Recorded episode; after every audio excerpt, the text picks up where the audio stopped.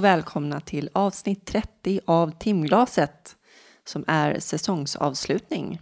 Jag heter Jasmin och med mig har jag också Max. Hej! Tjenare. Tjenare. Vi intervjuar personer som vi tycker är grymma förebilder och som har fängslande livsöden att berätta om. Och det alla har gemensamt är att de har någon form av funktionsnedsättning. Liksom vi, som har ryggmärgsskador sedan många år tillbaks. Vi har båda brutit nacken på olika sätt för cirka 14, fjo- nej, för mig är det 14 år sedan och för dig är det 16. Tiden går alldeles för fort. Och varje gång vi säger det så kommenterar vi det. Liksom. ja. Ja, men det, det, ja, men det är ju så. Det är helt otroligt. Ja, det är. Nu har jag faktiskt levt mer än halva livet som ryggmärgsskadad. Usch, säg inte så. Fyllde ju 32 här i veckan, vet du. Ja, grattis, grattis. Mm, gammal särring. Idag ett litet experimentavsnitt. Det kan man säga att det är. Därför att vi är fler än vad vi brukar vara. Vi intervjuar två anhöriga till folk som har varit med om en svår olycka. Det är ju många som antytt att anhörigstödet är väldigt dåligt när något så livsomvälvande inträffar som att få en ryggmärgsskada. Så då har vi intervjuat Daniel som har en dotter som råkade ut för en olycka för ett och ett halvt år sedan och Ann som har en son som råkade ut för en olycka för ett och ett halvt år sedan. Båda fyller år på samma dag, båda barnen. Det tycker jag är roligt, men det tycker du inte är så kul. Tack för den. Men de båda skadade sig så pass nära samtidigt. Ja, precis. Okej, så vi hoppas att detta lilla koncept funkar och att det ska vara intressant att lyssna på. Hur det är från deras perspektiv. Det är många närstående som lyssnar på den här podden. Så kan det vara kul att höra någon annan i samma situation. Jag har ju skrivit en bok. Mm, surprise! Ja, Ja. men i den sa min syster någonting som jag tyckte var så bra, eller ja, beskrev det så bra. Hon sa att din olycka är min olycka. Och det är ju verkligen så att alla närstående runt omkring blir ju drabbade när något sånt här inträffar. Så är det ju. Fan, jag kan fortfarande inte, det är så jävla länge sedan det skedde. 14 år sedan. Fan, det är ju helt otroligt. Hur ser det ut på sponsringssidan? Det ser ju kanon ut. Vi har ju huvudsponsorer och det är ju Koloplast. Koloplast. Koloplast utvecklar ständigt produkter tillsammans med användare för att göra livet enklare för människor med mycket personliga hälsotillstånd som till exempel blåstömningsbesvär och avföringsinkontinens. Gå gärna in på koloplast.se för att läsa mer vet jag. Koloplast är bra grejer. Så har man sådan problematik så är det bara gå in där så kan ni få all hjälp som ni Jag ett, behöver. he- jag har ett helt skåp med koloplastprylar här borta. Och det funkar skitbra. Skitbra. Jajamän. Tack för det, Koloplast. Och här kommer Danne och Ann.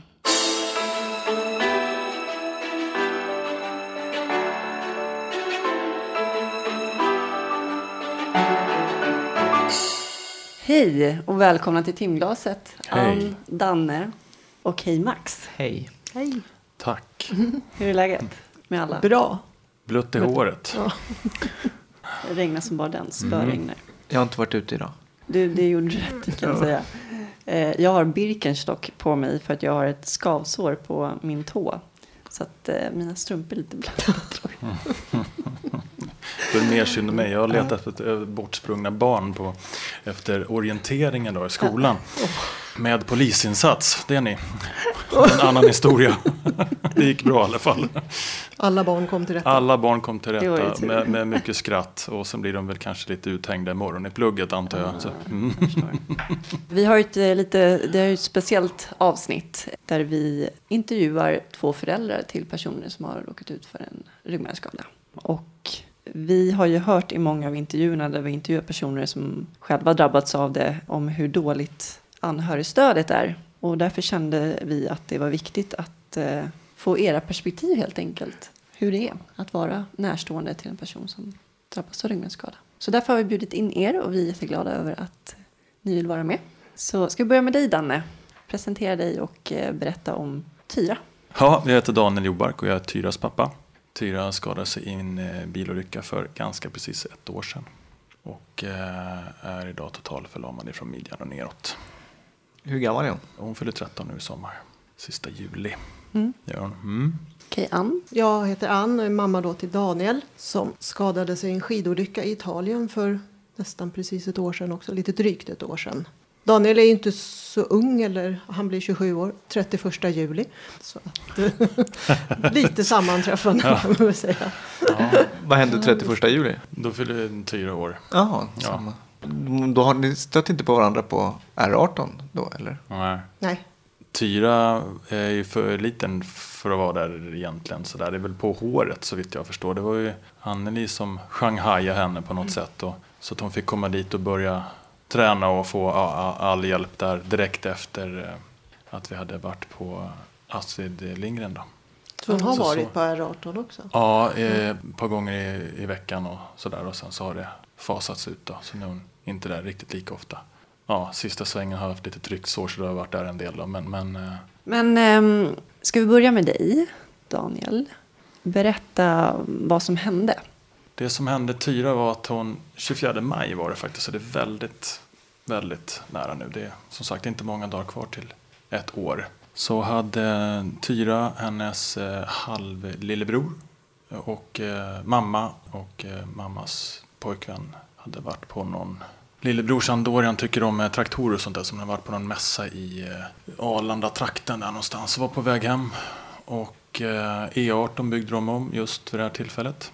Det var inte två körbanor utan det var mötande trafik på en. Då. Och av någon anledning så kommer deras bil över på fel sida och frontalkrockar med en hästtransport, modell lastbil. Och eh, Tyras mamma och eh, Thomas som pappa heter och de omkom omedelbart. Lillebror klarade sig med en bruten arm. Tyra hade somnat så att hennes eh, säkerhetsbälte hade åkt ner. Satt inte över axeln utan åkt ner och var ungefär vid, vid armbågen kan man säga. Och som läkarna säger så är det förmodligen därför som det har blivit så kraftiga skador. Hon har klarat sig mycket bättre om det hade suttit som den skulle. då. Men det är inte så lätt när man somnar i en bil. Ja, det var då det gick åt fanders. Hon bröt ryggen och eh, vart var du när det här inträffade? efter många om och men så hade jag faktiskt kommit iväg till en god vän. Och jag och Denise och Liam som var hemma hos mig då. Barnen, Liam och Tyra bodde hos mamma sedan fyra år tillbaks uppe i Fagersta. Och eh, vi har haft det lite pilligt att få ihop eh, en middag och lite vin och sådär. Så vi hade suttit där och haft det trevligt på kvällen. Och när vi var på väg därifrån så olyckan hände vid nu, nu snurrar det huvudet på mig. Jag för mig att det var, nu ska vi se, ni- 1925 ungefär var, var, skedde olyckan. Vid tolvrycket så fick de tag på oss. Via en kompis till mig som råkade vara hemma hos mig. Han och jag är lite sådär vinylfantaster så han satt och bläddrade lite grejer som vi skulle förkovra oss i senare. Liksom. Så via honom så hade polisen kommit hem och, kommit och knackat på hemma hos oss. Och de får inte säga någonting till någon annan. Men det var en präst med också. Och hon fick ju det. Så han, hon berättade för, för Tommy som han heter då. Så han lyckades få tag på oss till slut. Och det var väl så här, vi stod på perrongen och skulle åka hem med tåget vid tolvrycket. Och han ringer och säger, jag, jag sitter i en taxi. Jag kommer hämta dig nu eller er. Jag tänkte, jag tok stolle. Nu är han sugen på att jag ska komma hem och ta en pilsner med honom här. Men det var ingen taxibil som kom utan det var, det var två poliser och en präst och sådär. Och sen vart börd av till, till Uppsala då. Kom prästen med direkt? Ja. Är det standard att det är så? Alltså, det är så, alltså Liams mamma omkom ju, det visste de ju om. Och då brukar ju de ju liksom göra, antar jag. Då vet man, alltså, då är det illa liksom. Ja, kommer. visst är det. Och sen, vi hade ju ingen aning om hur det var med Tyra. Vi visste att de hade kört henne med, ner till eh, Västerås. Och där hade de bara kört henne rakt igenom MR-maskinen egentligen och sen in i en helikopter och så var det iväg. Så jag hade ingen aning. Jag visste att hon var allvarligt skadad. Jag visste inte hur illa det var. Jag visste att det var jäkligt illa. Men hur illa visste jag inte. Så att, jag vet inte, den där, den där eh, resan till Uppsala kändes som väldigt, väldigt lång tid och vi visste inte någonting. Och när vi kom till Uppsala så slog polisen på blåljusen och det har de inte gjort under hela resan.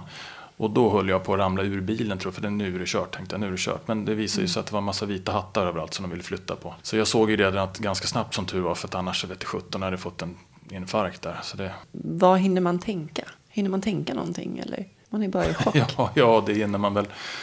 Fast jag, ja, det är klart att det är massor med, med tankar som snurrar genom huvudet såklart. Men Man vill ju gärna inte tänka på det värsta, men det kommer ju ändå. Nej, ja, det gör det ju.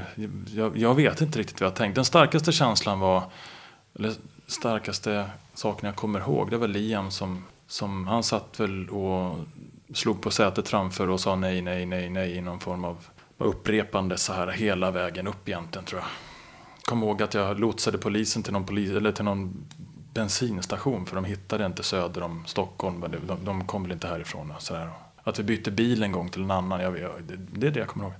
Det är ganska svart så. Mm. När förstod du då vad som hade hänt? De berättade ju på en gång att, eh, att bilolyckan hade skett och att eh, Jenny, som mamma hette då, var död och att Tyra var allvarligt skadad. Sen visste de inte mer. Det sa de direkt på en gång. Eller det var Tommy som fick säga det. De hade gjort upp att det var bäst att han fick ta det som kände oss bra och sådär. Så att han sa det på en gång. Och det var ju, ja, benen veks ju. Det var tur att det fanns en soffa att sitta på kan man väl säga. Det var, Hade sen är det halvsvart och tucken liksom. Man kommer nog visa saker bara. Så. Tänkte nu att vi skulle bolla över till Ann. Och eh, du kan väl berätta vad som hände din son? Vi var i Italien och åkte skidor i första veckan i mars förra året. Det var jag och min son och min dotter och min sambo. Meningen var att eh, min son och dotter skulle åka själva. Men vi ville åka med för vi ville också åka skidor. Första dagen var lite så här dålig. Mycket djupsnö och blötsnö och sådär. Andra dagen var helt strålande perfekt. Så vi är ute i backen och eh, tror att det var andra åket i stort sett. Och hittade Daniel en jätteskön backe.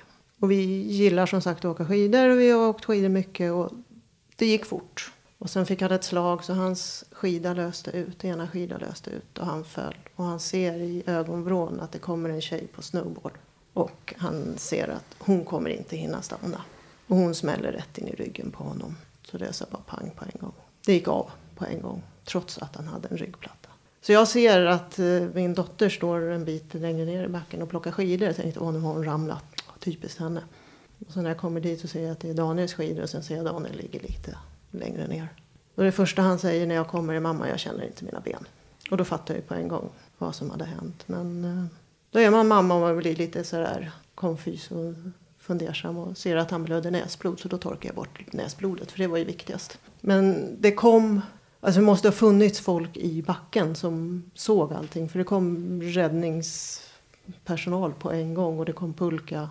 Det tog inte många minuter och vi stod där och han åkte på i pulkan ner då till helikoptern och jag efter. Och sen var det bara det var poliser och det var allt möjligt. Och de sa bara lämna skidorna här, vi tar hand om det. Och in i helikoptern och sen flög vi till... Vi var i Courmayeur och så fick vi flyga till Austa. Och där blev det sen då ambulans in på sjukhuset. Ja, det gick väldigt fort allting. För jag tror att eh, 40 minuter, en timme efter så låg olyckan hade hänt så låg Daniel på röntgen. Och de konstaterade ju liksom att det var brott. Det var, han hade krossat en kota tror jag det var. Så där, så jag för, förträngt en del. Men det blev eh, en vecka på intensiven i Aosta. Istället för att åka skidor så blev det sjuktransport hem. Så han och jag åkte hem med ett litet flygplan då. Och de andra fick boka om sig och det kom folk. Daniels flickvän och hennes mamma kom ner. Daniels pappa kom också ner. och var där några dagar. Vi åkte hem på söndagen, en vecka efter olyckan hade hänt. Och kommer då till Karolinska. Där det då ska finnas en plats till Daniel. Men det fanns ingen, han fick ligga på akuten i ett par timmar. Med bruten rygg. Ja, för att eh, det fanns ju ingen. Han hade, opererades i Italien dagen efter olyckan. Men eh, då var det ingen som hade förstått att han skulle komma. Så att han fick ligga där först och sen sa de nej det finns inte någonting här. Vi får nog skicka dig till Danderyd och det var inte så kul. Men då skulle han till R18. Då skulle han till R18. Men första natten fick han tillbringa, ja, det var i samma hus men en trappa upp tror jag eller någonting sånt där. Det var inte på rätt avdelning. Det var ju lite jobbigt tyckte han. Men han, fick ju, han var ju tvungen att ha egen, eget rum i att, med att vi kom från utlandet. Så efter just det, det. Dagen, dagen efter så fick han åka till kirurgen och ligga i ett par dagar. Och sen så kom han till R18 efter tre dagar tror jag. Hur var det i Italien då? Italien var det high tech jämfört med här i Sverige. Det var väldigt bra. Det var ju som sagt det var medan Daniel var på röntgen så kommer en psykolog till mig och säger att jag finns här bara för dig. Vill du prata så pratar du. Vill du inte prata så är jag här ändå. Och jag kunde liksom inte riktigt förstå men jag började ju prata. Och jag hade ju sagt till min dotter och min sambo att eh, de kunde ju fortsätta åka skidor. För det här fixar jag. Men eh, då sa han, har du någon mer? Ja, ring efter dem då. Så att då ringde jag och så kom de också till sjukhuset. Och då satt jag där i full slalomutrustning. Det var inte så där jättekul heller. Då, då pratade ni på engelska? Alltså. Då pratade vi, vi försökte prata på engelska. Han var inte så jätteduktig på engelska men vi hankade, han hankade sig fram och Ja, det var ju lite speciellt då i och med språket Ja, överhuvudtaget. måste ha varit i en del Italien. språkförbistringar. Ja, men det var mycket Google Translate och så. Så att det var en tuff vecka. Men ni fick en psykolog direkt. På Till min- en gång. Till mina föräldrar sa de ju, vi kan ta hand om Max. Ni får klara er själva. Det var liksom direkt. Första dagen typ. Men han, och han fanns med oss hela veckan. Och han kom med jämna mellanrum. Han kom på sina lediga dagar, lördagen och söndagen. Då var han ledig, men han kom för han ville prata med Daniel. Och han ville, visste att vi skulle åka hem. Han kom på söndagen för att säga hej då. Och sen, nu för en månad sedan ungefär, så var Daniel och hans flickvän i Barcelona. Och då möter de honom på flygplatsen. Nej. Av en slump. Av en slump. Och det var också så här, wow. Men det var liksom, det är den hjälpen som vi har fått. Vi hade väl pratade med någon kurator på R18 tror jag. Någon dag när Daniel hade haft en dipp. Och det var inte alls mycket. Det var liksom, ja men ni kan ju beställa tid om ni vill prata eller sådär. Men det går inte att beställa tid för sånt utan det måste, man måste få prata när det behövs. Just när du känner det för det. Så att efter det så, ja, jag har inte pratat med någon. Hur hade ni det på den avdelningen? Jag måste bara säga, jag tycker det är så häftigt ändå att du, du, när du pratar om Italien, ni kunde knappt göra er förstådda och, och så, så ändå så känner jag hur varmt du talar om liksom sjukhuset och personalen och allt så. Så Ja. när du kom till Sverige så började det spöregna. Ja, Eh, Och då kunde ni knappt förstå vad ni sa. Liksom. Nej. Det, Nej, det var- det då, ju- då är det ganska illa alltså, kan jag tycka. Nu svarar jag på din fråga här. Eh, Hur det var när vi kom. Eh, När du pratade så satt jag och funderade lite grann på vad, om det är skillnad på barn och vuxna och ja, ungdomar och sådär. Om man, om, så. När vi kom till Uppsala så det var, det var fullt ställ då. Så, så. Vi, vi kom in och fick vänta i eh, ett väntrum till, eh, till intensiven. Eh, vilken av dem i alla nummer vi var på där kommer jag inte ihåg nu. Men, men eh, läkaren kom ut ganska snabbt och berättade för oss hur det låg till med Tyra. Det de misstänkte och, och sådär. Jag har lite dålig koll på hur jag tog mig in på sjukhuset och sådana här saker. Det är liksom helt borta för mig. Jag antar att polisen visar oss till rätt plats eller att någon kommer hämta oss och sådär. För annars hade vi aldrig hittat på det där. Det är ju ett rätt stort sjukhus. Men jag, ja, hur var det? Läkaren kommer, det jag kommer ihåg är att läkaren kommer ut. Jag har för mig att det var Dr. Danielsson som var förbaskat bra. Han drar en snabb, snabb briefing bara. För att hon har väl... Alltså jag, jag vet fortfarande än idag inte... Jag är inte riktigt säker på hur länge hon hade varit där alltså. Så jag tror att hon har varit inne en sväng. Men de sa att de skulle akutoperera henne för att det, hon, det, var inte, det var inte bara ryggen och ryggmärgen. Det var, hon hade slitit av tunntarmen. Hon, alltså hon hade jättemycket skador i buken överhuvudtaget. Så, de, och små hjärnblödningar och krossat ansikte. Ja, det, det var rätt mycket. Så det var, ja, så. Fast det fick vi reda på sen i och för sig. De tog ju de värsta grejerna först. Multitrauma. Ja, så är det ju. De opererade henne i 8-9 timmar i sträck.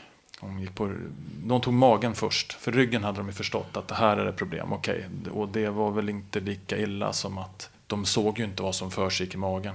Och det är så att då hade de väntat med operationen i, som jag förstått det, någon timme, ett par kanske, så hade det inte blivit den utgången det blir nu då. Men eh, Ja, det är det jag kommer ihåg från första dygnet sådär. Jag har ju, alltså, det, var folk och hjälpte oss med saker och ting och sådär. Men det, det är så diffust. Men sen när man kom ur den här första, vad ska man säga, bubblan. Jag vet inte om det är ett eller två eller tre dygn. Jag har ingen aning. Det, det vart lite, lite mycket på en gång där. Men jag upplevde att vi, vi, vi fick eh, bra hjälp och vi blev erbjudna att prata själva och sådär också. Och blev det under hela tiden sådär. Barnen fick det också sådär. Men det slutade nog faktiskt med att de sa att vi, ni får säga till själva för vi ser att ni tar det här på så pass bra sätt. Så de vill inte vara där och pilla. Sen så antar jag att de tittar en över axeln hela tiden sådär. Men jag kan inte gnälla på det. Absolut inte.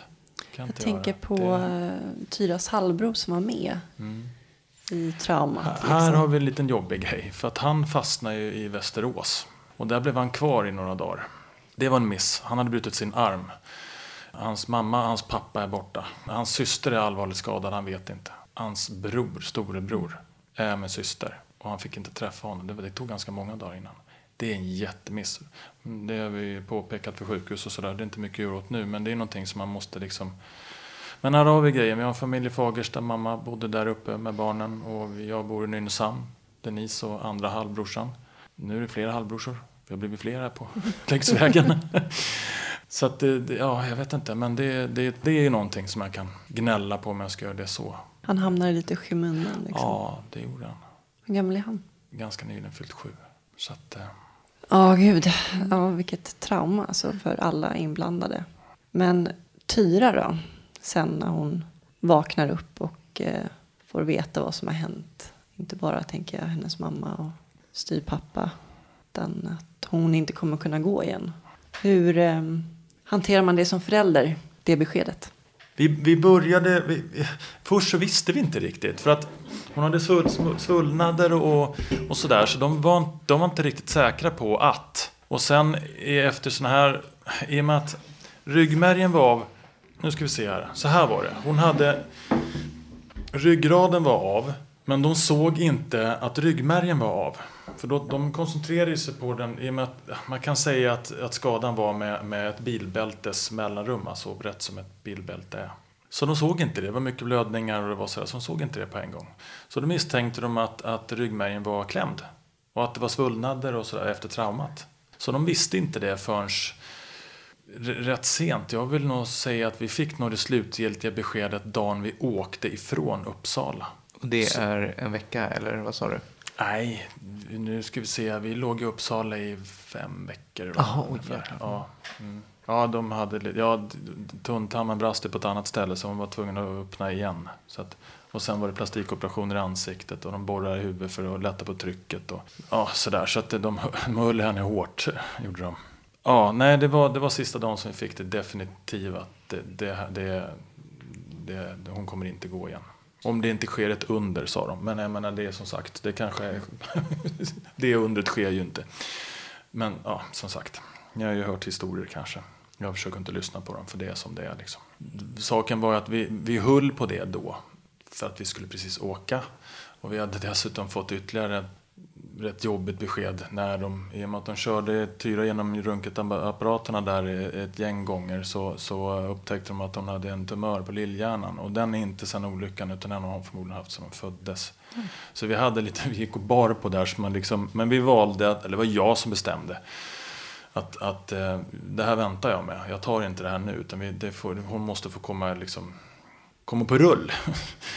upp, upp, upp och hoppa liksom. Eh, Och, och var piggare och så här, för hon hade fruktansvärt ont. Och så här. Det var ju egentligen bara jag och Denise som fick vända på henne och hjälpa henne och så där. Så vi skötte ju väldigt mycket sånt. Men det var för Tyra ville och vi hade inget emot det. Så, så att personalen gjorde väl det vi inte fick ungefär så där. Och vi gjorde det de inte fick.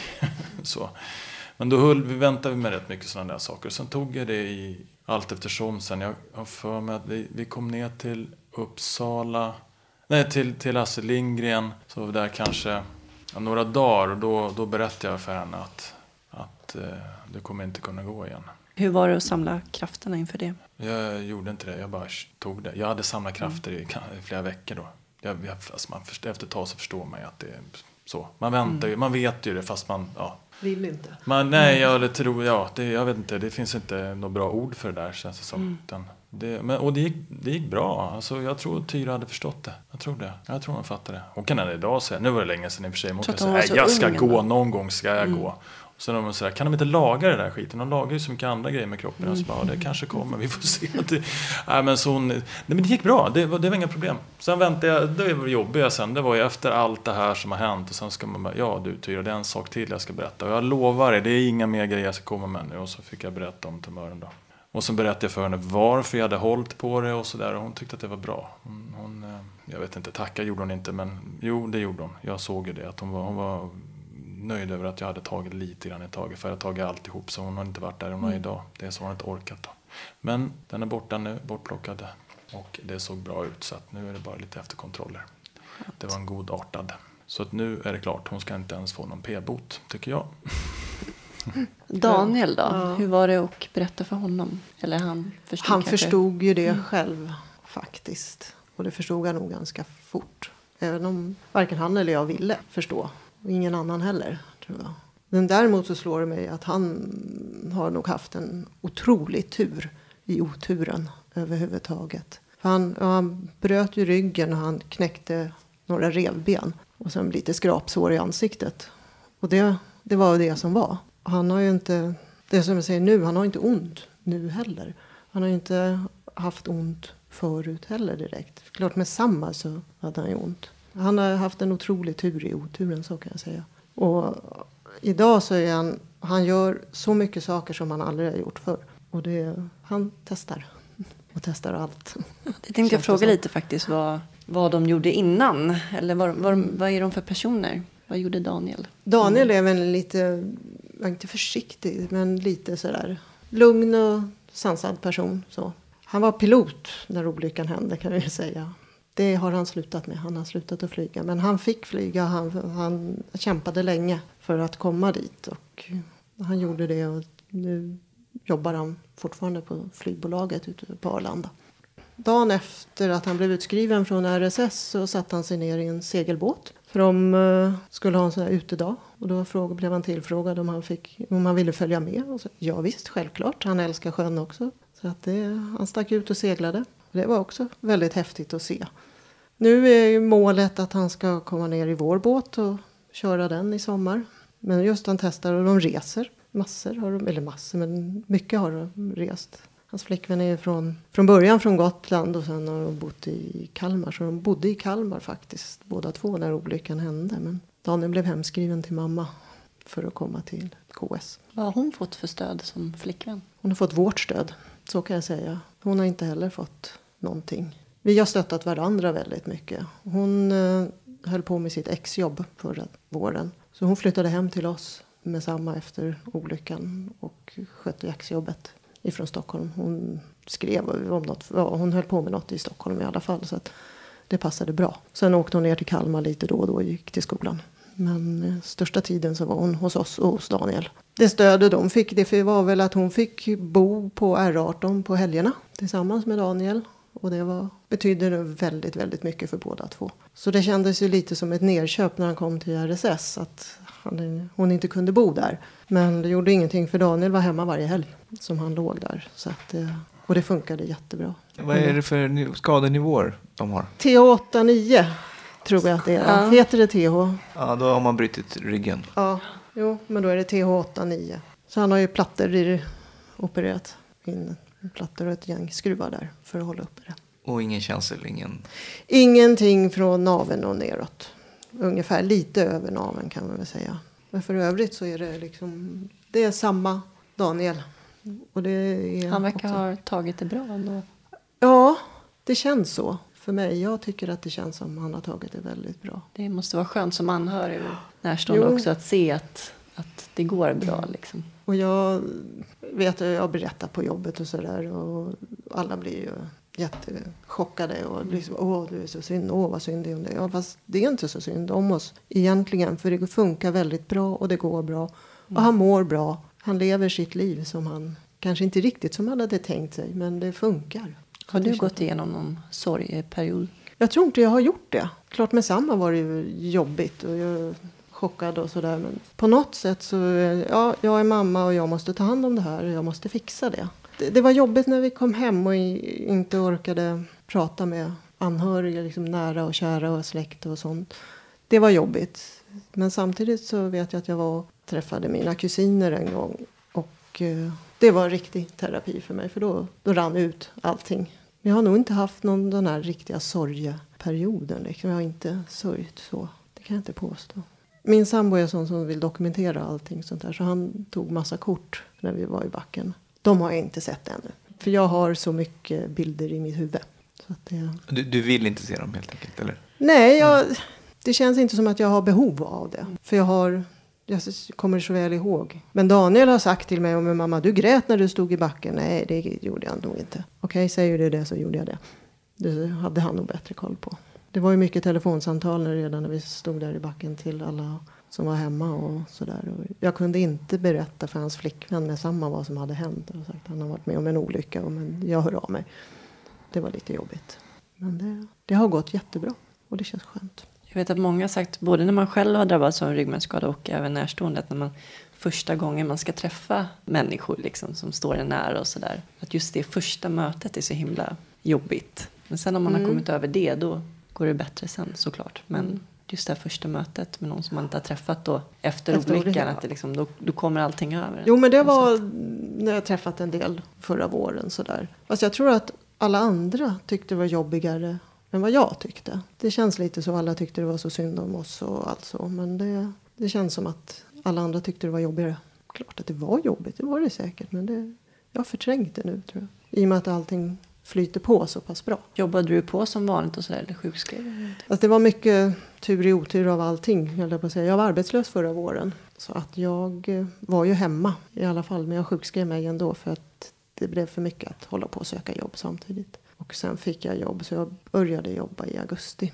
Och Daniel och jag började jobba samma dag. Han gick tillbaka till jobbet samma dag. Så att, eh, då Började han jobba efter två månader? nej, Eller mars till augusti, fem månader. Fem månader? Det låter ju helt otroligt. Då jobbar han på 25 procent. Så att nu går han på 50. Ja, det är starkt. Tyra då? Har, du- har du kommit fram till vilken skadenivå hon har?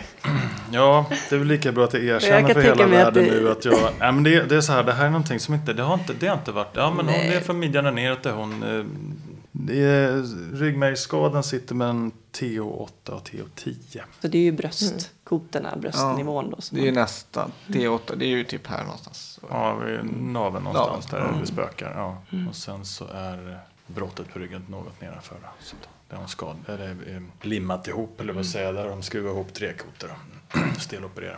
Och det är en liten lustig grej, för de sa, ja, nu kommer Tyra bli mycket, mycket stelare i ryggen. Hon ligger som ett gem jämt hemma i soffan.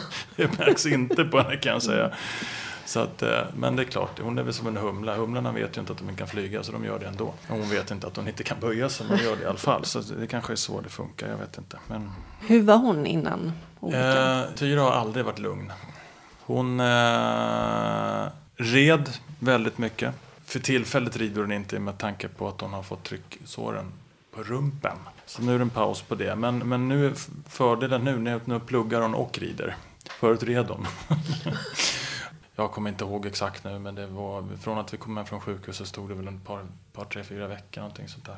Kanske en månad. Ja, ja, nu tror jag att Tyra har sagt sex veckor. Jag vet inte. Och då betyder det alltså drygt tre månader efter skadan så satt hon på hästryggen igen. Oj. Något sånt. Snabba rehabiliteringar. Ja, verkligen. Ja, I och för sig, ni har ju- energiknippen med, med, med, med mycket jäklar anamma, tror jag. Mm. Fast ni har ju, era barn har ju bara brutit ryggen. Vi har ju brutit nacken. Så vi har ju Ja. mycket längre rehabilitering. Så det är kanske lite skillnad. Tre- Daniel sa faktiskt en bra sak första, efter första helgen han var hemma på permission. Så tänkte vi, han tyckte, och det var så skönt att sitta vid köksbordet och äta frukost, bara sitta, bara vara hemma. Jag tänkte, han kommer aldrig vilja åka tillbaka igen. Hur ska vi få tillbaka honom? Men eh, när han kom dit så sa han, ja men det är klart att jag måste tillbaka för jag måste ju träna så jag kommer härifrån. Så att han kan komma hem och klara sig. Och det tyckte jag var, ja, det var en bra insikt. Så att var där på veckorna så kommer du hem över helgerna och ha det bra. Det var nog väldigt bra. Hur har, har det varit svårt att släppa det här med att inte hjälpa till och finnas där och, Ja. och låta honom vara helt enkelt? Ja, jag är ju mamma. Och som mamma så vill man alltid hjälpa till. Och det har varit, eh, det var jobbigt. Men nu så bor de ju för sig själva. De fick en lägenhet i november. Och vilket gör att jag träffar inte Daniel så ofta. Nu är han ju inte hemma längre. Så att då, då är det ju han och flickvännen som får sköta det där. Och det, det gör de ju. Men eh, när jag träffar honom, de var ute på landet här i helgen. Så då vill jag ju vara där och peta och fixa och hjälpa till. Och liksom, man får bort. och han säger ju ifrån också. Så att det, och det är ju bra. Hur är det som pappa då? Jag tänker på min egen mamma, så hon är ju där och petar på mig också, så jag tror inte... så skadade du nog inte blir Nej. där. Men det är klart att det blir värre, eller mer, mer av eh, att man, man, man, är, man är rädd om sina barn och man vill hjälpa till och man, åh, akta här och sådär. Men Vad det gäller Tyra och hur jag har gjort, eller vi har gjort, det är väl klart att det blir, att det blir skillnad. Man, jag tycker att jag har varit sådär jätteduktig och Nej men du får försöka själv här och så här. För Tyra har ju en förmåga att kanske bara, ha, vänta nu, det här är lite trist, farsan hjälp mig. I redan ifrån ganska tidig tids, ja, tid i, i, ifrån från skadan då, alltså så du redan på sjukhus och sådär så. Men ja, nej du, det där får du göra själv liksom. Och kört med den också så att ska du ligga kvar här resten av ditt liv eller kom igen nu liksom så. Och inte varit så snäll mot sina sjukgymnaster kan jag säga. Jösses Amalia, stackarna. Jag ber om ursäkt och hennes vägnar nu. Alltså fasen vad argsint hon har varit på dem. Och skitbra båda två. Superhärliga. Hon var världens argbigga hon har varit. Men jag vet inte, det har väl stått för något antar jag. Sådär. Hon var glad en gång. Det var när hon fick boxas med den stackars tjejen uppe i Uppsala. Det var roligt tyckte hon. Jädrans vad hon tog i. men, men Slagpåsar. Ja, precis. Nej, men så jag har nog varit mycket sådär. Sen är det självklart så när man tittar på Tyra nu. När det är fartfläkt eh, fram och tillbaka till skolan i rullen och sådär. Och jag så här, ja okej då, men nu kan du väl få kanske börja åka hem från plugget själv då. Och sådär. Vi har en rätt lång backe. Vi bor väldigt nära sådär. Men det är en rätt lång seg backe på morgonen. Och den går rätt snabbt på eftermiddagen när man ska hem. Så den åker och kör slalom ner. Och jag tänker så här.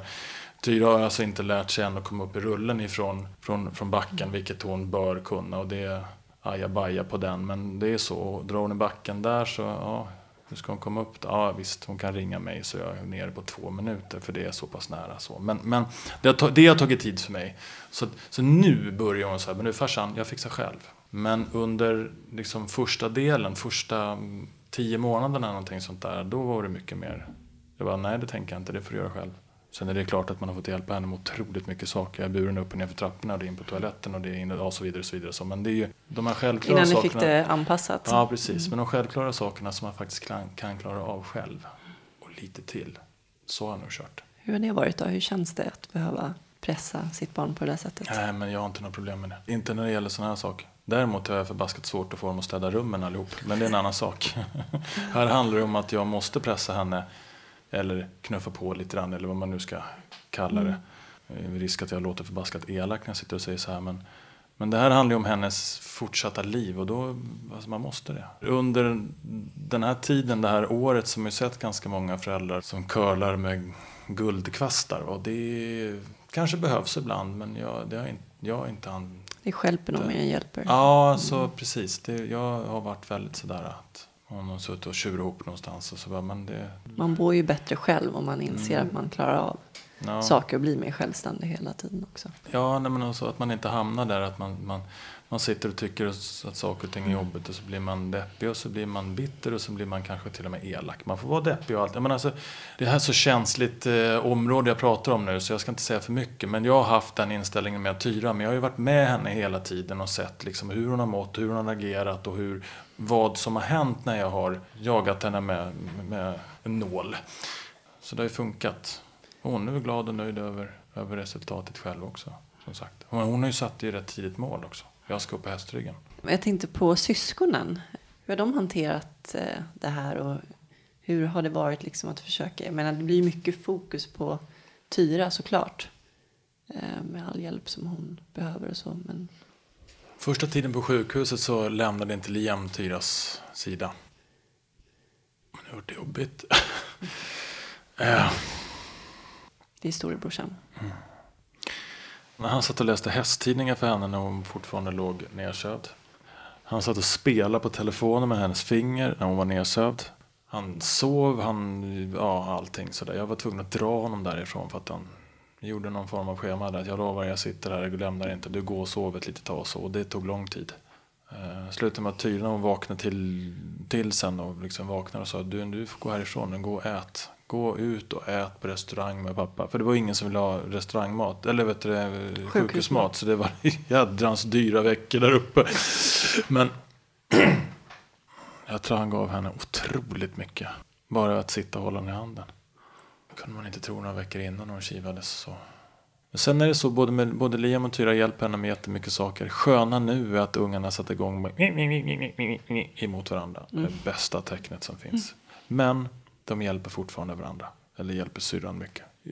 Syrran hjälper, alltså Tyra hjälper ju Melvin med läxorna emellanåt och sådär. Och, och, eh, och ja, sådär. Så att det, det, de, nu hjälper de varandra. Men de har hjälpt Tyra rätt mycket. Framförallt så har de fått stå undan. Alltså stå, stå tillbaka för att Tyra har tagit så otroligt mycket tid. I och med att hon behövt hjälp med allt, hela tiden. Det har ju hänt väldigt mycket i ditt liv. Med allt som har varit, har du fått tid att, att sörja? Ja, jag tror det. Jag, jag har ju stått upp och tagit hand om ganska mycket. Det, det, jag har väl försökt i alla fall att stötta mamma Jennys familj lite grann också då. Det, ja, det är väl svårt som sagt. Men sådär, men jag försökte i alla fall. Och, och, och barnen och, och sådär. Så att, men jag har, väl, jag har skrivit av mig faktiskt. Skrivit av, läst det, gråtit lite grann. Och sen så har jag gått vidare och så har jag hjälpt till eller kört på. Och sen så lite sådär. Så att, men, men Tyra började skolan 18 augusti. Eh, Jag stannade hemma en månad och vilade upp mig lite grann. Och sen gick jag tillbaka till skolan och körde på. Men sen så brast det väl lite grann i, strax innan jullovet där. Då jag, jag, jag orkade inte längre. Jag kände att jag blev irriterad på saker och ting. Jag var inte direkt den Danne i korridorerna och, eller i skolan så där som han brukar vara. och Så, så att jag lyssnade faktiskt till mig själv och några kollegor som tyckte att det kanske är dags att gå hem och vila lite till. För att man, det snurrar bara. Det är inte bara det här som har hänt utan det är allt annat runt omkring. Det är försäkringskassor, det är försäkringsbolag. Jag visste inte ens om Tyra var försäkrat för att de hade bytt bolag och innan, ja ni vet, och stressen över det och ja, så. Ja, som förälder måste det verkligen vara ett eh, heltidsarbete i sig. Din farsa han eh, tog Min, led. min farsa jobbade ett år nästan heltid bara att fixa alla byråkratiska försäkrings, försäkringskassor och försäkringar och var det, nej, han jobbade, han jobbade nog inte det året, året tror jag. Ja, så mamma hon sjukskrev sig just för att det var så otroligt mycket med allt runt omkring. Alltså. När det händer en sån här tragisk sak som att Lima och Tyras mamma gick bort och säger en ping, det går ju ut ganska snabbt till alla instanser i samhället så vet de om vad som har hänt. Men det händer ingenting med automatik med att aha, Tyra har skadat sig, hon har de här skadorna. Hon, jag vet inte hur mycket läkarintyg vi har skickat in till Försäkringskassan. Alltså, hur svårt kan det vara att ha, så här, ja, man slår in på Tyra och så ser man, det finns jag har skickat in samma lika fast med nya datum och kanske en annan doktor på. Om att ja, Tyra behöver lite extra hjälp trots att hon snart är 13 år för då får man ju inte vabba för henne. Nej Men hur ska jag göra när jag åker med henne till Spenalis? Ska jag skicka henne med mig själv i taxin och åka till Spenalis och föra runt? Ett år sedan hon skadade sig. Hon är 13 år gammal, snart. Hon har alltså varit 12 hela tiden under den här tiden som har varit. Hur fasen tänker de då? Det, det där är någonting som jag är så irriterad över. Att det inte finns mer som går med automatik. Men den här IT-världen vi lever i, vad är problemet? Kommunen hade inte en aning. När vi ringde till dem så, ja, jag ska inte säga vad de sa, men vi var ganska irriterade kan jag ju säga. På, på uppbackningen. För det var semester så det var ingen där som kunde ta hand om ärendena. Där har jag nog haft tur för jag har ju haft alla andra runt omkring mig som har tagit om hand om allt sånt. Daniel har väl kämpat en hel del själv också. Med Försäkringskassan och så bland annat vad jag vet. Vi fick mycket hjälp från sjukhuset som startade upp det. Ja. Och det var nog tur det för annars hade vi Ja, aldrig varit... Mm. Jag har varit förskonad så kan jag säga. Jag fick ta det andra och se till att det flöt. Men du sa att du hade skrivit av det. Det kom jag faktiskt på att det gjorde jag också. Men det har jag förträngt. Jag tog väldigt mycket kort när Daniel var både på mm, R18 och på RSS. Och så, då skrev jag dagbok. Ja, vad som hade hänt och framsteg och allt sånt där. Och det man, gjorde min farsa också. tittar man tillbaka idag eller tittar på det där så, och tittar på bilderna på Daniel så liksom, det är ju en sån utveckling så att det är inte sant. Och det är roligt att se. Det var väl ett litet sätt att bearbeta det också kan jag tänka mig. Men jag tänkte på er- ert hus där var ju inte anpassat för fem öre. Nej. Det är väl en historia i sig kan jag tänka mig. Men Ja, det, till slut så fick ni hjälp från annat håll. ja, vi fick ju det. Det blir sådär lite grann så det rycker i, i, i ögonsidan här när jag tänker tillbaks på den historien. Det var minst sagt ruskigt trögt. Det är fortfarande inte klart med kommunen än. Just nu så håller jag på och eh, ansöker om att få bygga ut huset så att Tyra får ett rum på nedervåningen. Åker hon hiss nu hela? Ja, nu åker hon, hon en trapphiss och sen har hon en sån här äh, stols... Nej, ja, hiss här som åker, jag vet inte vad de heter. Men då kan hon åka med rullen in i huset. Då, liksom, sån här. Så vi har två tappar in i huset. Då. Och den ena som lyfter hela rullen och alltihop in. Då. Men nej, det, det tog tid med kommunen och vi eh, vart presenterade ett hygienrum till Tyra. Är det någon som vet vad det är? Man vet ni inte så googla på det för det är faktiskt någonting som jag har förstått ifrån folk som jobbar med sånt här. att Det stoppar man in i slutskedet många gånger. Man kanske inte gör det till en 13-åring. Det ville de att vi skulle ställa i vårt vardagsrum. Och då hade vardagsrummet blivit väldigt mycket mindre så då hade vi inte fått plats med eh, matbordet någonstans. Hur, men hur ser ett sånt rum ut? Vad det är, vad är är det? Bajamaja deluxe kan man säga. Det är, en, nej men det är en plast, ett plastrum som du ställer in i ett rum och sen så är det bara, allting är färdigt i det med toalett och allting sånt där. Eh, Så är det ett plastskynke som man får dra för. Så det tyckte de att de skulle ha på sitt rum. Eh, Förnedrande. Ja, det är helt galet. Nu nästa steg i och med att vi fick lite, Denise skrev nämligen ett brev till Sofias änglar. Jag är jäkligt glad att jag har den kvinnan, alltså för att det, jag hade inte kommit med för att göra det här. Men de kom och eh, hjälpte oss. Eh, så vi var med på tv här, första avsnittet i år. På kanal 5, det är ett program som bygger om. Ja, ja, ja, precis. Hjälper människor i nöd på ett eller annat sätt. Det kan vara både det ena och det andra. Sådär. Hur hade Daniel det med Försäkringskassan? I och med att han bodde hemma hos oss då tillfälligt. Så att vi har ett enplanshus. Tack och lov. Men eh, i och med att vi inte visste vart han och Emma då skulle ta vägen så ville vi inte sno några anpassningsbidrag så att säga ifrån dem. Så att eh, min sambo byggde om en hel del. Vi breddade dörren in till badrummet, kastade ut badkaret och han gjorde väl, eh, vi plockade bort några trösklar gjorde vi. Och sen gjorde han en ramp ut på altanen och en ramp ut från huset. I början så körde vi med de här eh, ja, ramperna som man kan plocka med sig. Men när Daniel skulle börja jobba så var han ju tvungen att kunna ta sig in och ut själv. Så att då blev det en ramp. Nu bor de i en lägenhet och den är inte anpassad för fem öre för någonting. De, Och den behövs inte heller eller? Nej, i början så var det de skulle plocka bort duschväggen men nej det behövs ju inte. Han klarar sig ändå. Han kommer in där och han, de skulle göra ordning handfat och det tycker han att nej, det har jag vant med. Det här går bra. Så att det, det känns bra. Och han vill inte ha det anpassat. Så kan jag säga. För han tycker att det, då känner han sig så sjuk. Och han är inte sjuk. Han är skadad. Ja, ni har klarat det väldigt bra. Ja, Hur ser ni på eh, samhället idag efter allting som har hänt? det kan nog vara mycket bättre.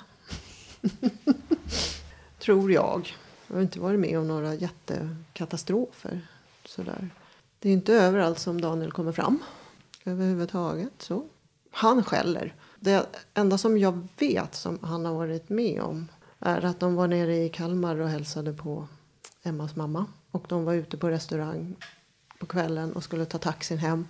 Och de hade beställt en taxi, det kom ingen och de ringde igen och det kom ingen. Och sen så ringde de och så gick de väl ut och sen så kom den och så frågade han om det var de som hade beställt taxi. Ja, ja men jag kör inte han. Så att då vägrade han att ta med Daniel. Och då, då var Daniel inte glad.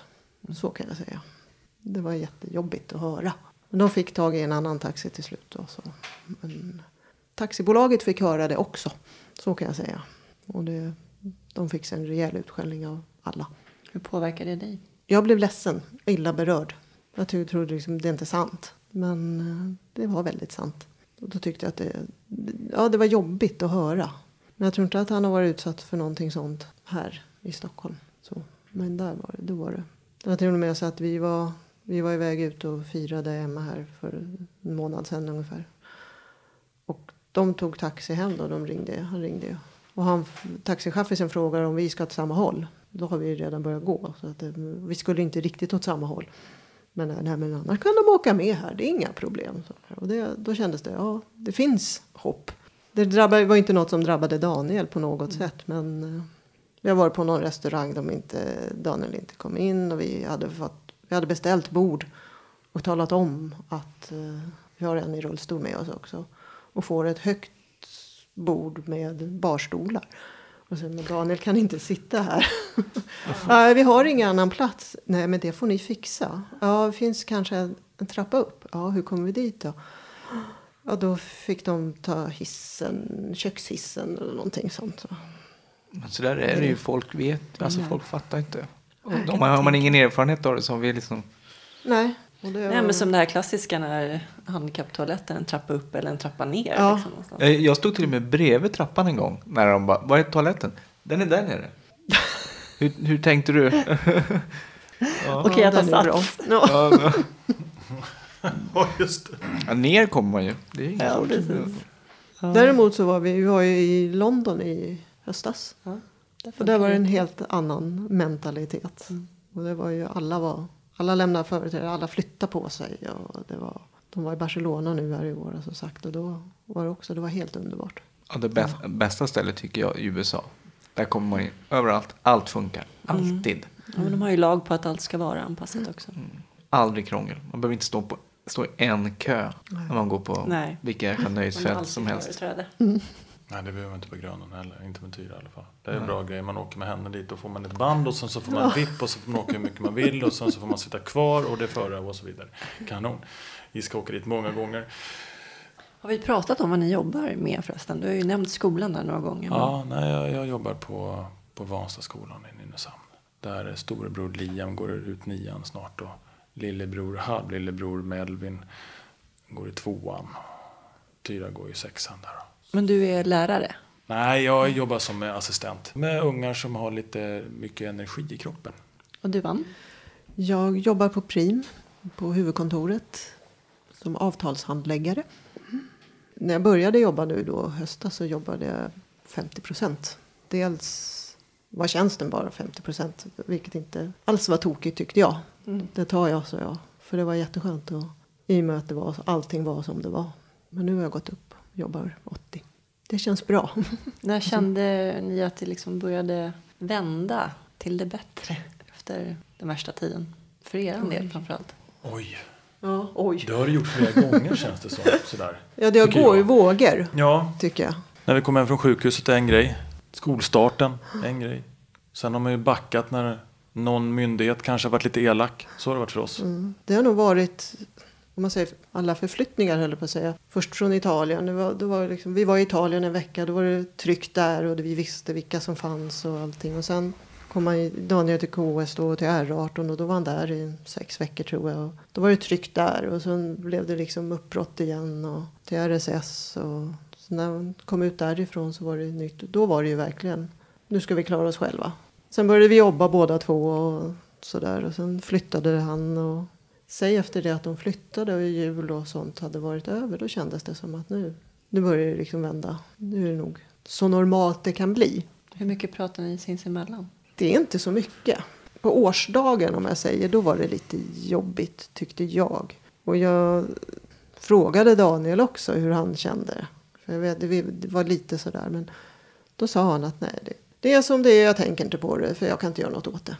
Visst så det liksom deppar vi väl ihop lite allihopa men det var ett år sedan det hände och jag vet att jag gick hela dagen och tänkte sådär att ja, si och så gjorde jag då för ett år sedan men det, okej, det var då. Och nu är nu och nu får vi göra allt det bästa av det hela. Har ni pratat? Det är ju så många sorger inblandat i era trauma. Ja, det är ju det. Ja, det, blir- det, blir, det är mycket att sortera i huvudet. Så är det. Det har varit rätt mycket att ta tag i. Men vi, vi har pratat hela familjen och, och nu pratar vi om Tyra då. Alltså, så har vi, hon, hon är rätt, alltså, varit ganska duktig på att pysa lite då och då sådär. Och jag skulle nog vilja säga att saknaden efter lillebror Dorian och saknaden efter mamma. Den sorgen har varit större än sorgen för att hon idag inte går. Hon är nog lite kameleont sådär, eller hur man ska. Hon har anpassat sig ganska bra. Självklart är det ju så att det pyser upp emellanåt. Jag menar, det är ju inte, det är inte om man går runt och önskar sig direkt. Man ska hamna, hamna i rulle. Men det har hon tagit bäst sådär. Men nej, hon har pyst lite grann och vi har liksom... Sen har hon fått varit förbannad och gråtit av sig lite grann och sen så har vi kört vidare. De har inte varit på väg att ge upp någon gång. Känna att de inte orkar mer. Ja, det har, jo, men alltså sagt ibland har hon gjort sådär. Men jag tror att hon är aldrig liksom ens i närheten av att mena det, tror jag. Nu skiter jag i det, jag orkar inte längre, och och, sådär. Och sen så tar det två minuter och så hoppar hon runt i alla fall där och gör ja, så liksom. Jag har nog aldrig hört Daniel säga det. Han deppade ihop en dag vet jag. När han flyttade från R18 till RSS. När han lämnade tryggheten där. Och då kände jag bara att jag vill bara att allt ska vara som vanligt. Och det är enda gången tror jag som jag har hört han säga någonting sånt. Hur hanterade du det då? Det var jättejobbigt. Då grät jag mycket i telefonen på kvällen. Och för, men samtidigt så försökte jag ju då vara den där förnuftiga mamman som säger att det kommer att bli bra. Och det, du behöver sova och ta nya tag imorgon. Och så be att du får något att sova på och sen sover du så kommer jag imorgon. Kunde du så? Nej, det var jättejobbigt. Hur önskar ni att anhörigstödet skulle se ut? Finns det någonting som kan förbättras och göras annorlunda? Massor. Skillnaden oss emellan är att Tyra är ett barn och, och Danne är ju vuxen. Att det finns på något sätt att det går ut en ping i samhället som talar om för att nu är läget så här. Jaha, nu har det här hänt.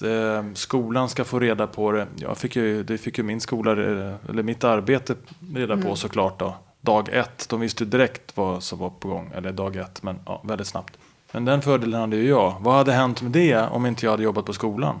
Och i det här fallet då, det jag var tvungen att skriva in något, alltså det hade ju varit en jädrans sådär. Så varför finns det ingenting som, alltså det måste vara något som går ut så att eh, olika myndigheter får reda på det här och vet hur de ska göra. Utbilda folk. Var snabbare med hjälp. Jag bar Tyra jag tror att det var nio månader, upp och ner, för hon hade rummet uppe. Upp och ner för trappen när hon ville på rummet och skulle sova och så vidare. In i våra lilla badrum. Ut när hon skulle ut. Vilket gjorde att hon valde att inte åka till sitt rum. Eller åka ut så mycket. Inte vara till för För att mycket det var besvär. jobbigt. Ja, alltså jag gick ju dubbelvikt hemma. Det var morgonen jag, för mot sluttampen så jag kommit upp i sängen för jag hade så, kroppen krampade. Jag vet inte vad det där var för något men jag, det var, jag kom inte upp. Ja, alltså, hur som helst i alla fall så, det, för att det ska inte vara, det ska inte bli så. Fastän jag var ju också en belastning för samhället då. Jag gick ju hemma, Kostade pengar. De här anhörigkvällarna som vi har här i Stockholm i alla fall har ju jag varit på ett par stycken. Och de, det har varit väldigt bra att kunna få lufta sig om man säger som så. Tycker jag. Däremot så har det ju inte varit någonting annat. Vi hade säkert behövt mycket, mycket mera stöd när vi, med samma när vi kom tillbaka till Sverige. På en gång, så att säga.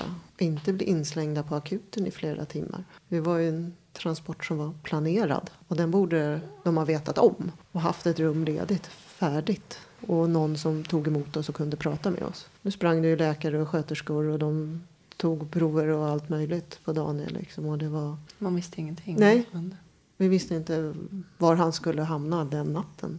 Och då hade vi åkt ifrån Italien på förmiddagen. Det var jobbigt och då hade jag önskat att det fanns någon där. Vi hade ju inte ätit någonting heller. Jag fick en macka på planet de hade med sig från Danmark. var hungriga och det var, jag försökte hitta mat och till slut så fick vi varsin tallrik då, sjukhusmat. Men, men just att det hade funnits någon där, precis som det fanns i Italien. Han var guld värd. Just då tyckte jag att det kändes jättehemskt första gången jag träffade honom. Men det, det är ju många tror jag som upplever det påträngande också. Ja. Det känns, eh, ja, det är ett nytt fenomen kanske. Det är inte alla som går till psykologer. Och helt plötsligt så ska man prata med en okänd människa som man Mm. aldrig har träffat förut. Mm. Det kan ju kännas lite... det kan ju vara jobbigt det Konstigt. också och konstigt. När jag var sjukskriven vet jag att sa läkaren att jag skulle ta någon kontakt med någon psykolog någonstans. Men inte hos dem för de hade så mycket att göra. Jaha, och ska jag då ringa runt som sitter i en ganska jobbig och ansträngd situation och ringa runt och leta reda på någon psykolog för att kanske få tid om en månad. Det var ju inte då. Jag, jag behövde ju prata med samma. Så kändes det. Och hur var det i, i familjen i övrigt? Emma kände nog ungefär likadant. Daniels lilla syster åkte ju från Italien direkt tillbaka till London där hon jobbar. Och det var lite jobbigt. Men hon hade inte möjlighet att vara kvar ens en gång. Det var också lite tufft för mig att släppa iväg henne tillbaka till England och vara långt borta. Även om det inte är så långt. Och hon hade inte, jo hon hade träffat Daniel men hon tyckte det var väldigt jobbigt med samma. Att träffa Daniel i sjukhussängen. Så att det tog, det var dagen innan hon åkte. Då hade han legat där i tre dagar tror jag. Eller någonting sånt. Det var tufft. Och det var tufft för henne att komma tillbaka. Hon kom tillbaka i, var här några dagar i april tror jag sen. Det var lite jobbigt för henne då. Men hon tog sig samman och träffade Daniel också. Och det kändes bra. Och så efter det så har det liksom släppt. Men i övriga familjen så tror jag inte, jag vet inte riktigt. Det är ingen som har uttalat att de har behövt någon hjälp så. Vi har nog stöttat varandra väldigt mycket. Det tror jag.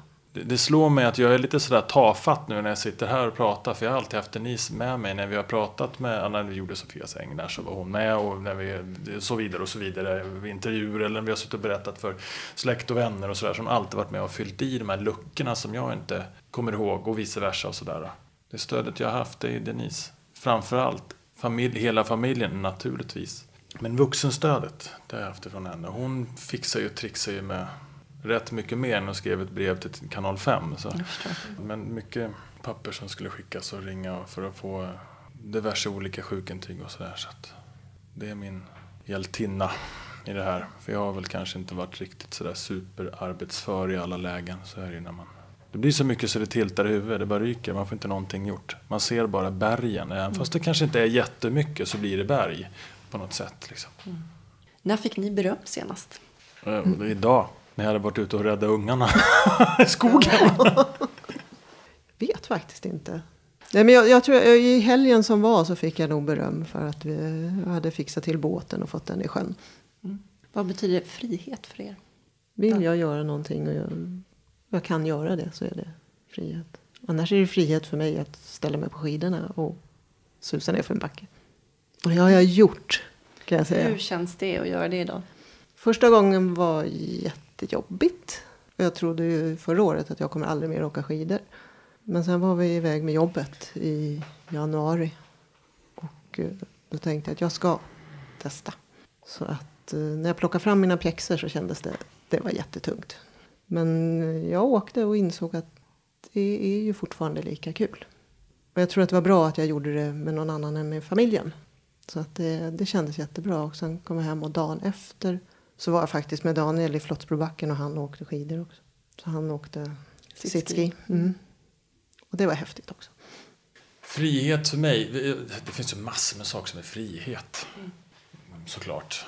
Men min, min nypåfunna frihet, den kom då faktiskt när, när vi fick så pass, eh, när Tyra var så pass okej. för att vi fick ju hjälpen i november, december där, så hon kunde åka in och ut och så. Det är en frihet.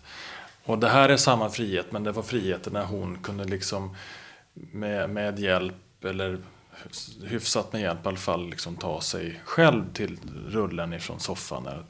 Så jag kunde gå ut i åtminstone sådär en två, tre timmar och ta en pilsner nere i hamnen med mina polare. Och bara få känna sådär. Andas ut. Mm, utan att det ringde direkt. Du var det sådär två, tre timmar. Sen var jag ju tvungen att gå hem för att toan är uppe. Sova. Och nästa frihet sen var ju att vi fick alla hjälpmedlen och sen fått hittills då. Så man kan lämna hus och hem och vara borta en dag liksom. Sen finns det ju massor med frihet såklart. Vad betyder lycka för dig? Familj. Och se att familjen är lycklig. Och att det känns bra för alla. Så bra det allt kan vara. Så kan jag säga. Om ni fick eh, leva om era liv, skulle ni göra någonting annorlunda då? Nej, Alltså jag, det, tror så jag det inte. går ju inte i alla fall. Så vad fasen, vad är det där för fråga?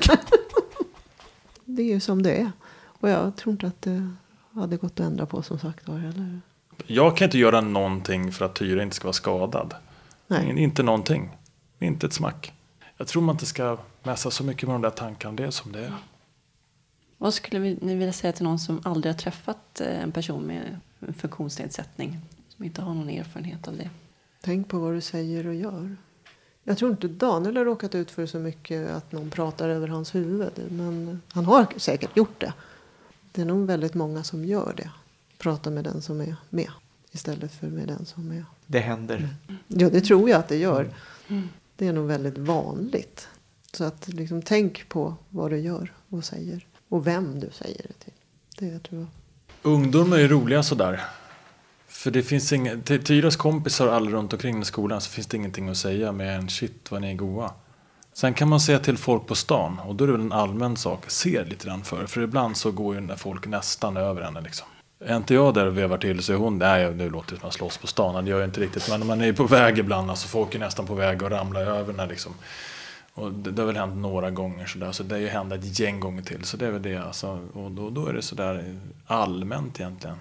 Se er runt omkring, se era medmänniskor. För om man tittar sig runt och är lite intresserad av vad som händer kring, kring sig med människor runt omkring dig. Då ser du ifall det är någon som åker i rulle eller har ramlat omkull. Däremot kan jag säga att jag ser fler människor i rullstol nu än vad jag gjorde förut. Och det är likadant om För du har en Volvo. Då Ja, ser massor jo, men det är ju Volvobilar. så. Mm. Liksom. Man tror att man har en enda Porsche i Nynäs. Då har man, jag har ingen Porsche. Men, men, men så liksom. Det, Nej, men det, och så titta, jaha, vad är det där för modell och vad, hur, vad har den där och hur har de gjort Ja, och sådär. Där har man ju Lite blivit så. Mm. lite sjuk alltså. Jag sa till Tyra här, för, ja, det är nog snart någon mässa, ska jag åka och kolla på den. Vad farsan, vad ska du på den till? Ja, men, ja, men jag måste jag, vet, jag är intresserad. ja. Det här är ju en svår fråga, men har ni några tips eller råd som ni skulle vilja ge till andra närstående? Vet ni att det här är den enda grejen jag har tänkt på hemma. Om man liksom ska ge ett råd till någon annan sådär. Och jag har haft tusen saker att säga. Men man är så olika som människor. Hur man reagerar på det som har hänt på skadan på A så vidare, så vidare, så vidare. Så det är liksom, försök att ta det lite lugnt och en sak i taget. Och var inte rädd för att be om hjälp. Och vara lyhörd Ja, för den som är skadad. ja självklart. Nej men som du säger, be om hjälp. Våga be om hjälp. Det måste man. Du kan inte klara det själv. Och det finns ju många runt om en. Och, och prata. Om du nu, många är rädda för psykologer och sådär. Men du kan ju prata med närstående också. Och så är det inget fel att älta det. Nej. Tack så jättemycket för att ni kom och tog er tiden. Dela med er av era Tack för att vi erfarenheter. fick komma. Tack för att vi fick komma som sagt.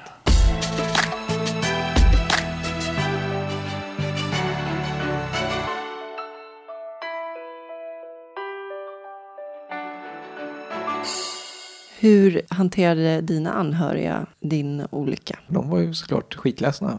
Och eh, pappa var ledig hela det året i princip och bara ägnade sig åt mig. Han var på sjukhus varenda dag, tror jag.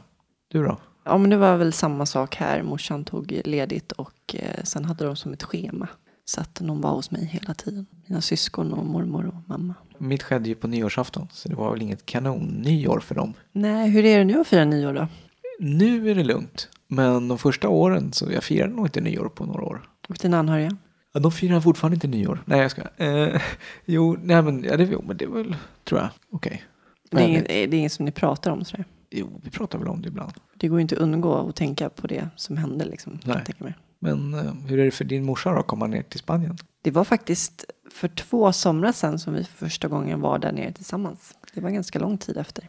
Därför var det ju såklart att man pratade om det. Vi gick förbi platsen där jag dök ifrån bryggan. Och, så det vart ju att man pratade om det. Liksom. Men man kunde ändå njuta av att vara där tillsammans därför att eh, det är ju förknippat med barndomsminnen för mig också. Eftersom att jag har varit där sedan jag var liten. Liksom. Så att det finns ju så mycket positivt att prata om också. Det här var ju bara en negativ händelse på den Ganska platsen.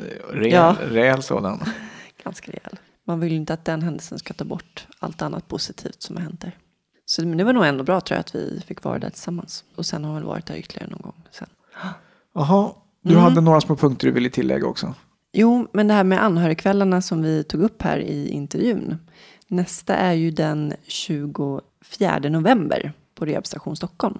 Det finns ju en jättebra grupp på Facebook som heter Anhöriga och ryggmärgsskadade eh, som har ungefär 400 medlemmar. Och där kan man ju faktiskt eh, samverka till en sån här träff. Och där kan man också ge varandra tips och råd och dela med sig av erfarenheter kring hur det är att vara närstående.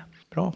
För mer information kan ni gå in på rehabstation.se. Du hade en sista grej också. Ja, då vill jag slå ett slag för Wings for Life som är en eh, stiftelse, en internationell sådan som främjar forskning kring ryggmärgsskador. Och de anordnar lopp runt om i världen. Det är väldigt stort. De har precis kommit ut med att nu kan man registrera sig på deras hemsida wingsforlifeworldrun.com där man kan registrera sig för 500 kronor om man vill delta i det här loppet som är den 8 maj. Var? Det startar i Kalmar och man springer till Öland. Det är en eh, sträcka på 10 mil. Det är ju långt ju. Mm. Det fixar inte alla att vara med. Nej, det är inget krav på att man måste ta sig till mål heller. Registreringsavgiften på 500 kronor går oavkortat till ryggmärgsskadeforskningen. Så det är för något gott, tycker vi. Så att, Kan det eh, vara 10 mil? Ja, det är 10 Men mil. inte 10 mil till Öland för fan, från Kalmar. Det är det, jag har ju kollat det. Det är 10 mil, över hela världen är det 10 mil. Jag ska säga det också att det handlar ju inte bara om, när det gäller forskningen, handlar det inte bara om att kunna gå igen, utan det är ju mycket annan problematik som gör livet lite svårare för oss som lever med ryggmärgsskador. Till exempel kiss och bajs. Som leder oss in på vad då? Vår huvudsponsor Koloplast. Koloplast utvecklar ständigt produkter tillsammans med användare för att göra livet enklare för människor med mycket personliga hälsotillstånd. Som till exempel blåstömningsbesvär och avföringsinkontinens. Gå in på deras hemsida vet jag, koloplast.se. Tack så jättemycket Koloplast. Tack, tack. Vi vill tacka alla våra gäster som har varit med och delat med sig av sina livshistorier. Och alla som har lyssnat på oss. En massa kärlek till er där ute. Om ni inte har hört alla avsnittet så kan ni ju passa på att lyssna på alla tills eh, vi drar igång nästa säsong, nästa år. I mars eller? Vi har tänkt typ mars. Typ mars. Håll er uppdaterade på sociala medier. hashtag timglasepodd. För där eh, kommer vi med infon när det är dags. Och vi har en hemsida, timglasetpodd.se och ni kan kontakta oss på kontakt timglasetpodd.se. Och nu kan ni ju passa på att tipsa om personer som ni tycker borde vara med. Yes. Vi finns på Facebook, Instagram och Twitter. Följ oss där vet jag. Säg nu din grej. Ha det så grymt bra tills nästa säsong. Ha en underbar jul och eh, gott nytt år och allt det där. Ta hand om er. Puss och kram. Hej då!